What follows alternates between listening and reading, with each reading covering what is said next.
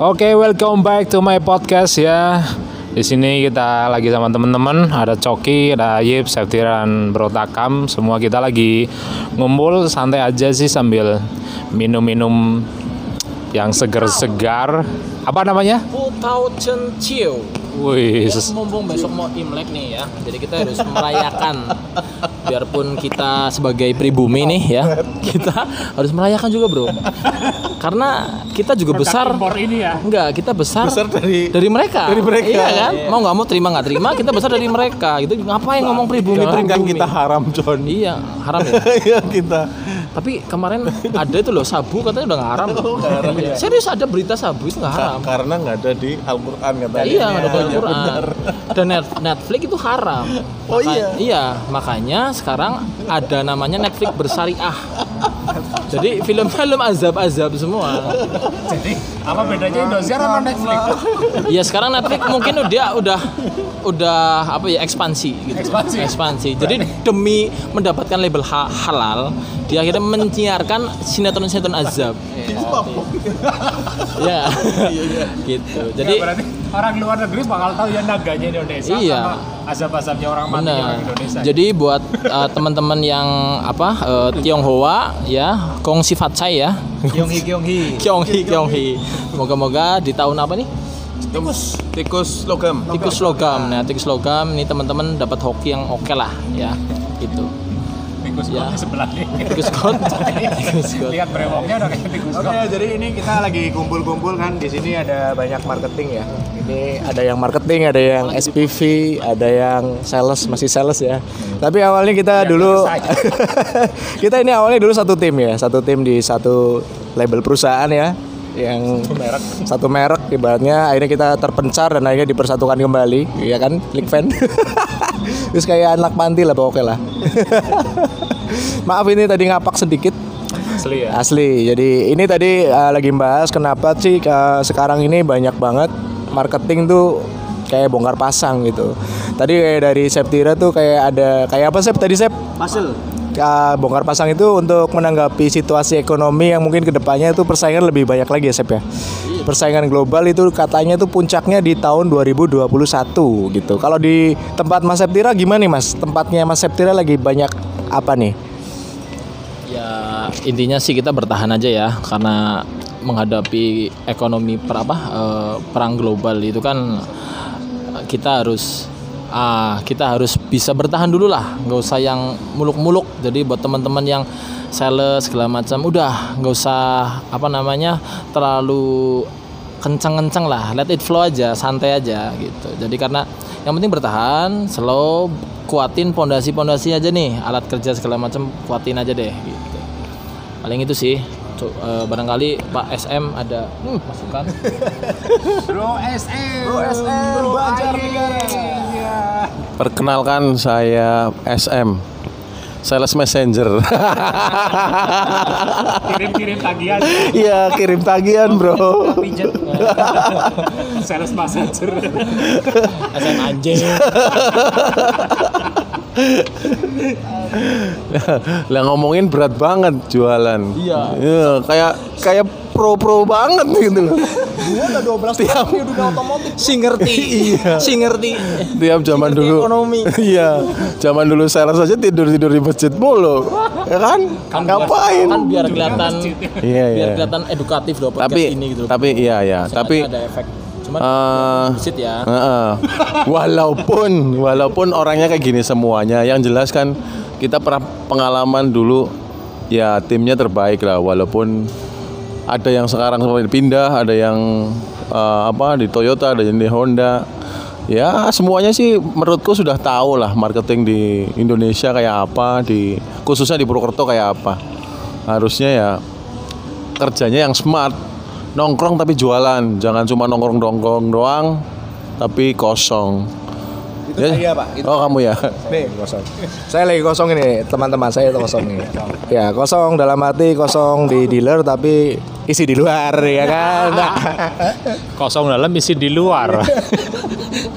Tapi enakan isi di dalam, enak di dalam. ya. Soalnya jualan second ya.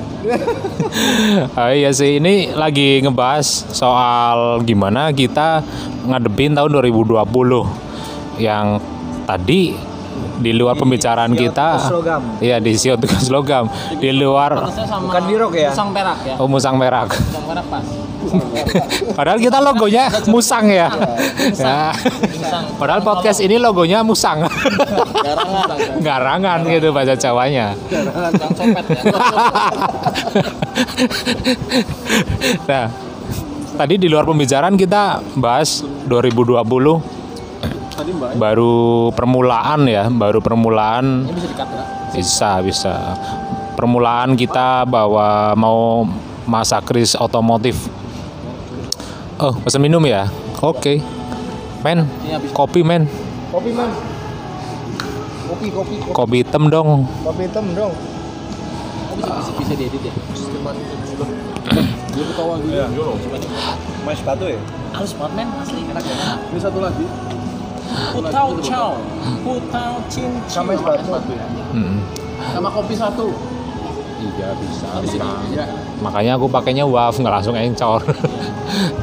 nah, eh, lihat di sini katanya tadi ada yang bilang per tiga bulan cut kalau nggak target marketing. Aku lihat sih ngeri banget. Eh, ngeri banget bro buat saya sebagai marketing selama 4 tahun itu sudah mengerikan. Karena sekarang itu mencari SDM apalagi marketing di Purwokerto ya khususnya ya itu berat. Berat dalam arti belum tentu juga dari teman-teman mungkin yang di sini belum pernah mencoba di dunia marketing tuh mungkin gambarannya masuk di dunia otomotif tuh ya enak ya kalau dilihat dari sisi positif. Tapi secara se- pahitnya sih kita bicara pahitnya aja nih ya. Kalau pahit itu ban- banyak kendala sih. Apalagi kalau kita masih mengandalkan eh cara cara enggak kalau kita kan sekarang lebih lihat ke anak baru tiba-tiba udah langsung main web itu salah sebenarnya ya mas ya. Kalau kita itu dari dulu emang awalnya kita door to door door to door dalam arti konven. Nggak ngandalin yang namanya langsung website karena kita belum punya nama. Dan juga kayak di sini ada teman kita Takam itu juga karena relasi juga dia banyak ya kan?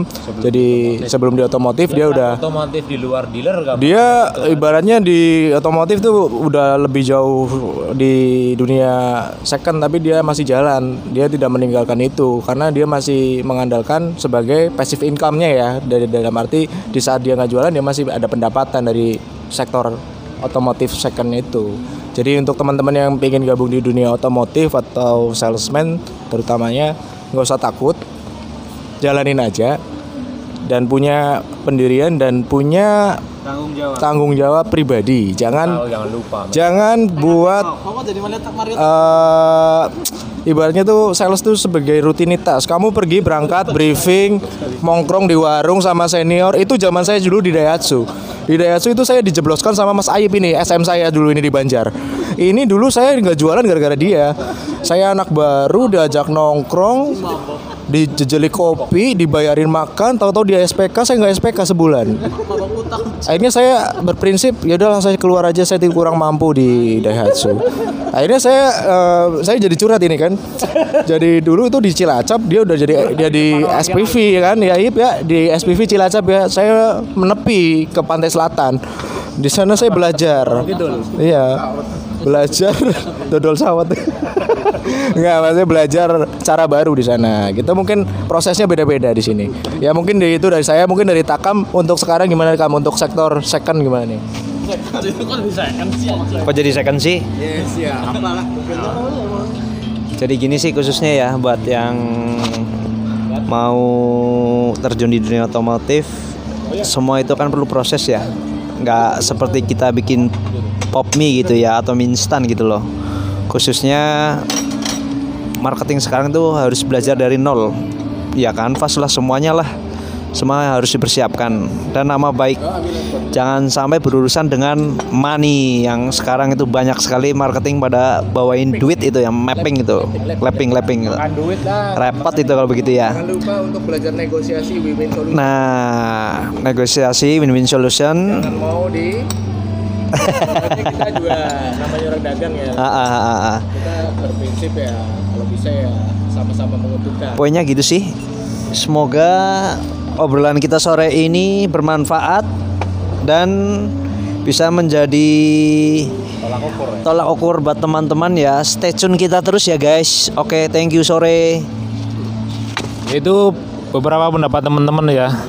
Ini kebetulan lagi udah santai. Sebenarnya belum closing tadi mas. Hmm, enggak, masih kita lagi jalan ngomong. Iya, nggak apa-apa santai aja.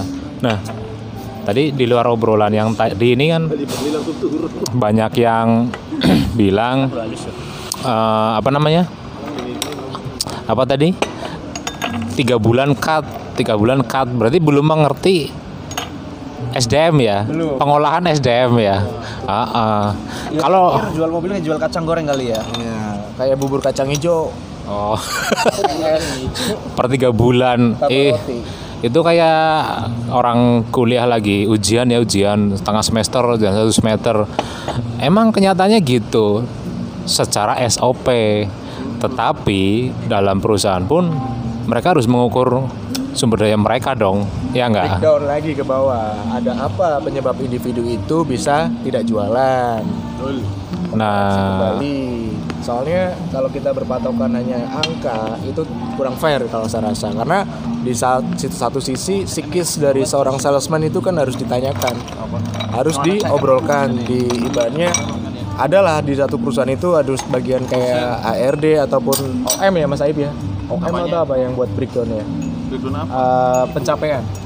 Iyalah. Nah, iya. Jadi ya kita dari semua brand di sini kan tiap brand punya sistem kebijakan kantor sendiri-sendiri. Nah dari sisi itu eh, saya berpatokan di Daihatsu sendiri dia sudah melakukan itu terhadap sales yang ibarat notabene di bulan-bulan tiga bulan itu dia nggak jualan kenapa? Ada yang salah di mana? Itu kan harusnya ditanyakan. Ada suatu problematika di dalam itu kan sebenarnya bisa diselesaikan dalam tanda kutip apabila komunikasi yang dilakukan itu efektif dan tidak menyalahkan salah satu pihak. Dalam arti di situ juga kita harus legowo menerima kritik dan saran dari sales dan segi eh, pemimpinnya di situ juga harus bisa membangun si sales itu. Kalau seorang SM itu sebenarnya kalau menurut saya itu pembentuk ya, bukan ah, nggak jualan itu dikeluarin itu ya salah itu bos itu. Ya itu paling itu aja sih kalau saya. Kayak ngerti aja lu cok.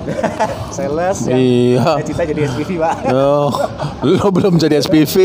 Ya paling kan So tahu. latihan lah. deh. Tiga bulan nggak jualan, tendang cok.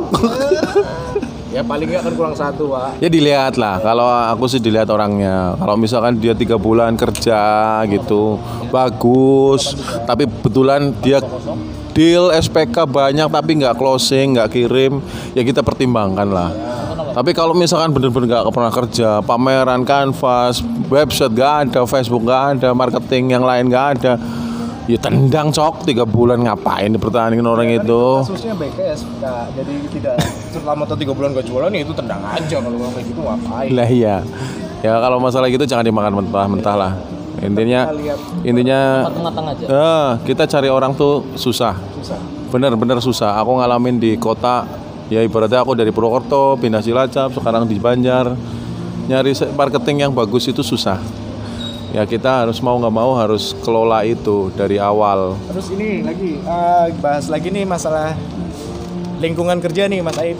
Di dalam itu gimana tuh? Orang-orang kan mungkin kayak tiap marketing tuh pasti ada kayak drama ya. Drama Korea itu pasti ada di ko- di setiap kantor. aku lebih suka drama India. Lah, ini drama Korea. tarinya. Ini nggak ada tariannya, Pak, gitu. Nah, coba Mas Aib bisa mungkin satu dua kata. Ya. Maksud lu drama? Nah, maksud maksud lu tuh drama gimana? Maksudnya drama eh, Ya, banyak gaya lah ya. toxic people kok gitu. Ya kowe. Selama saya bekerja, alhamdulillah saya sebagai penggiat toxic people ya. Penggiat toxic people yang positif tentunya. Bro JK dengerin ini Bro JK. Gini, kalau Kalah. Jarod Kusumo. kirain Charlotte Kurniawan. Pokoknya jaga lah ya. Oh iya, saya hormat sama beliau. Orang Toyota di Sulawesi nomor satu. ya kan, owner. Iya. Nah, kalau di lingkungannya tempat saya gini kayak tadi yang case pertama tiga bulan kat jujur aku pernah eh, ngalamin namanya down banget. Ngalamin down banget ketika aku nggak jualan di rumah ada masalah tetapi aku harus tetap survive gitu men. Contohnya aku pernah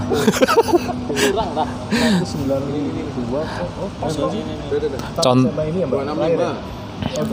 contohnya contohnya aku pernah nggak jualan dua bulan dua bulan terus beberapa prospek loss. Tetapi aku tetap sharing sama atasan nih sama SPV bos gini gini gini aku punya problem.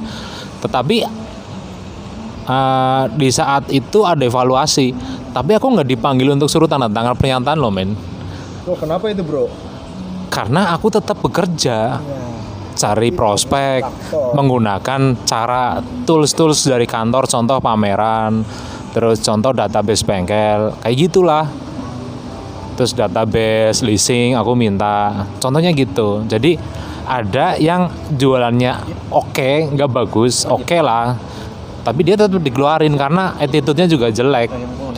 Coba aku pengen tahu dari sudut pandang supervisor nih. Contoh eh Seftira punya anak buah gitu. Gimana? Nggak jualan tapi dia tetap bekerja bagus attitude-nya Jadi gini, dalam sebuah tim itu ada beberapa karakter salesman ya.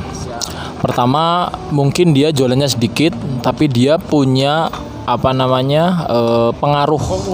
Punya pengaruh dalam artian dia bisa mempengaruhi sales-sales yang lain untuk tetap bersemangat atau tetap berangkat kerja biar dia semangat. Cuman dia sendiri jualannya sedikit. Nah, itu yang susah kadang kita. Kadang kita mau nge- nge-cut si salesman itu, tapi dia punya power buat bikin tim itu jadi seru gitu loh. Jadi kalau buat sekarang ini sih, mungkin teman-teman di sini nggak cu- nggak pingin denger panjang lebar lah dari kita. Mungkin pingin apa sih tips and tricks buat menghadapi krisis global seperti ini apa? Yang pertama adalah lakuin passionnya kalian aja deh. Nggak perlu kalian jadi jadi orang lain apalagi kalau jadi salesman itu kan nggak mungkin kalau kamu kerja dalam tekanan. Itu nggak bakal jadi deh. Tapi kalau misal kamu sesuai dengan passionnya kamu misal kamu senang di internet atau kamu senang di apa namanya eh, apa dunia maya atau media sosial iya itu ter- ter- terserah teman-teman deh. Jadi Kalau aku suka di masjid A. masjid nggak apa-apa. Yang suka dukun dukunan nggak apa-apa. Tapi leb- kalau menurutku sih lebih relate sekarang ya ke ke Siang-siang di masjid enak, Pak. ke dukun mungkin lebih oke ya. Karena instan bro. Iya kan? Kalau misal ke, ke masjid prosesnya ada sedikit rada lama. Ya kan? Kalau ke dukun marketing punya apa namanya ya? Pegangan ya? Iya punya pegangan. Misal dia uh, punya pegangannya setan monyet. Iya. Loncat-loncat Iya. gitu kan? Jadi inti dari obrolan ini adalah semua strategi itu adalah bullshit. Yang paling tepat adalah kedukun. Dan itu memang efeknya luar biasa, Bro. Iya. Gitu. Jadi nggak usah kita nggak usah pusing-pusing lah, nggak usah pusing-pusing ngomongin masalah ekonomi global. Kedukun aja beres. Ya, bawa kambing satu deh, nggak apa-apa. Ini cerita curhat dia sendiri. Ketemu istrinya aja diserandil dia. Pernah mandi di laut ya jam satu malam ya tengah laut ya. Untung nggak hanyut ya. masih bela-belain ke Ah, itu itu kenapa aku ada di sisi kalangan itu kena aku ah.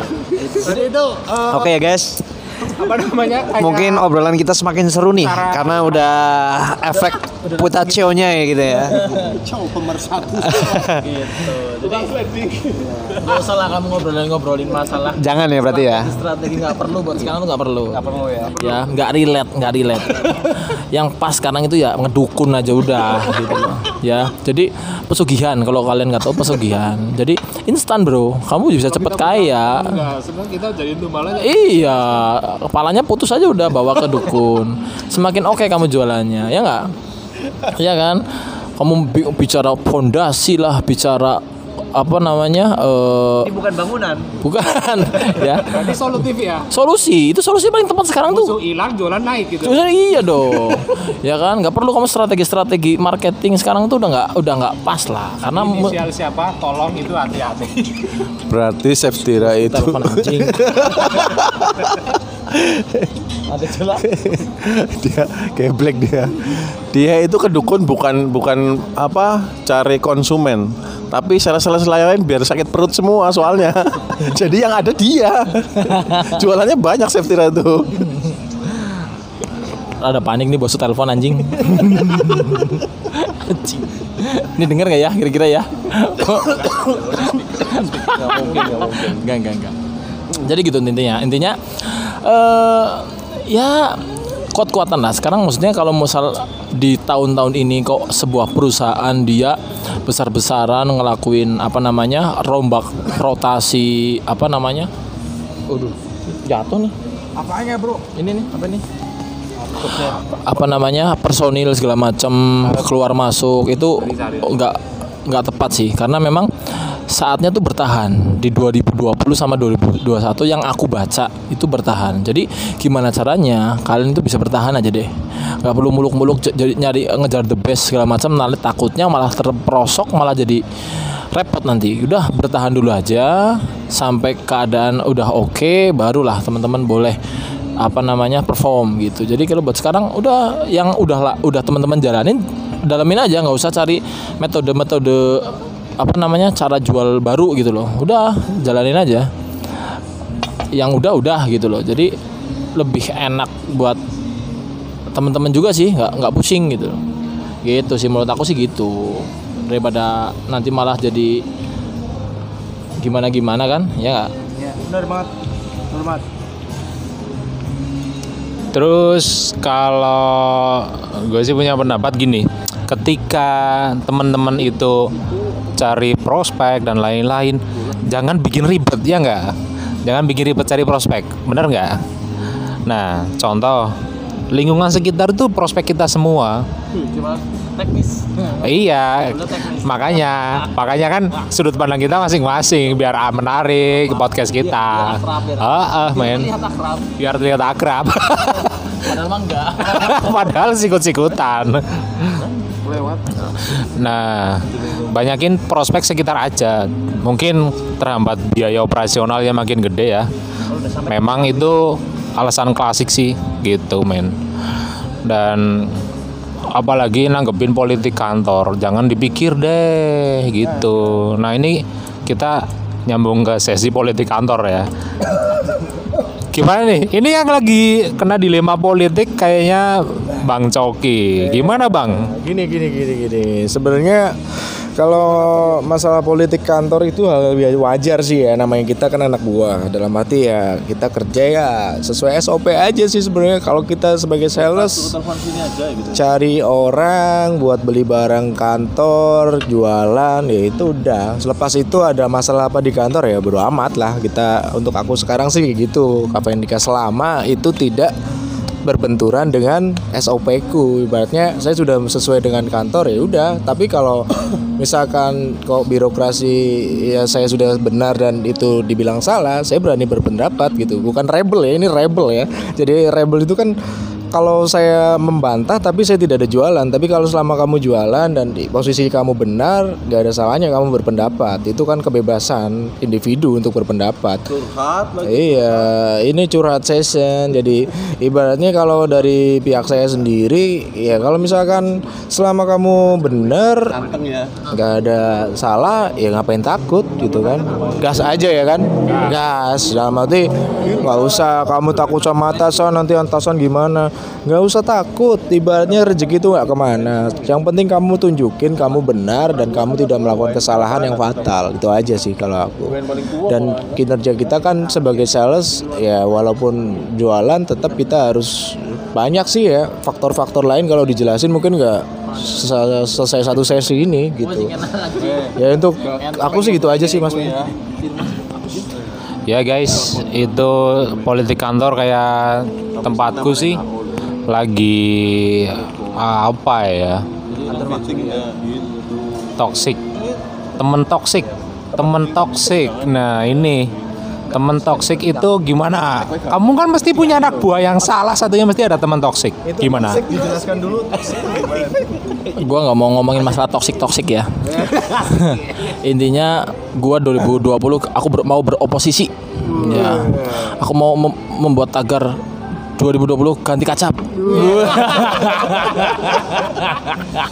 Buat teman-teman Honda maksudnya.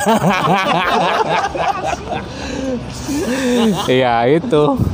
Ah, kalau tempat tempatku sih banyak banget soal teman toksik gitu. Contoh contoh eh, misal aku mau follow eh nggak usah lah santai aja gitu. Itu janganlah diikutin.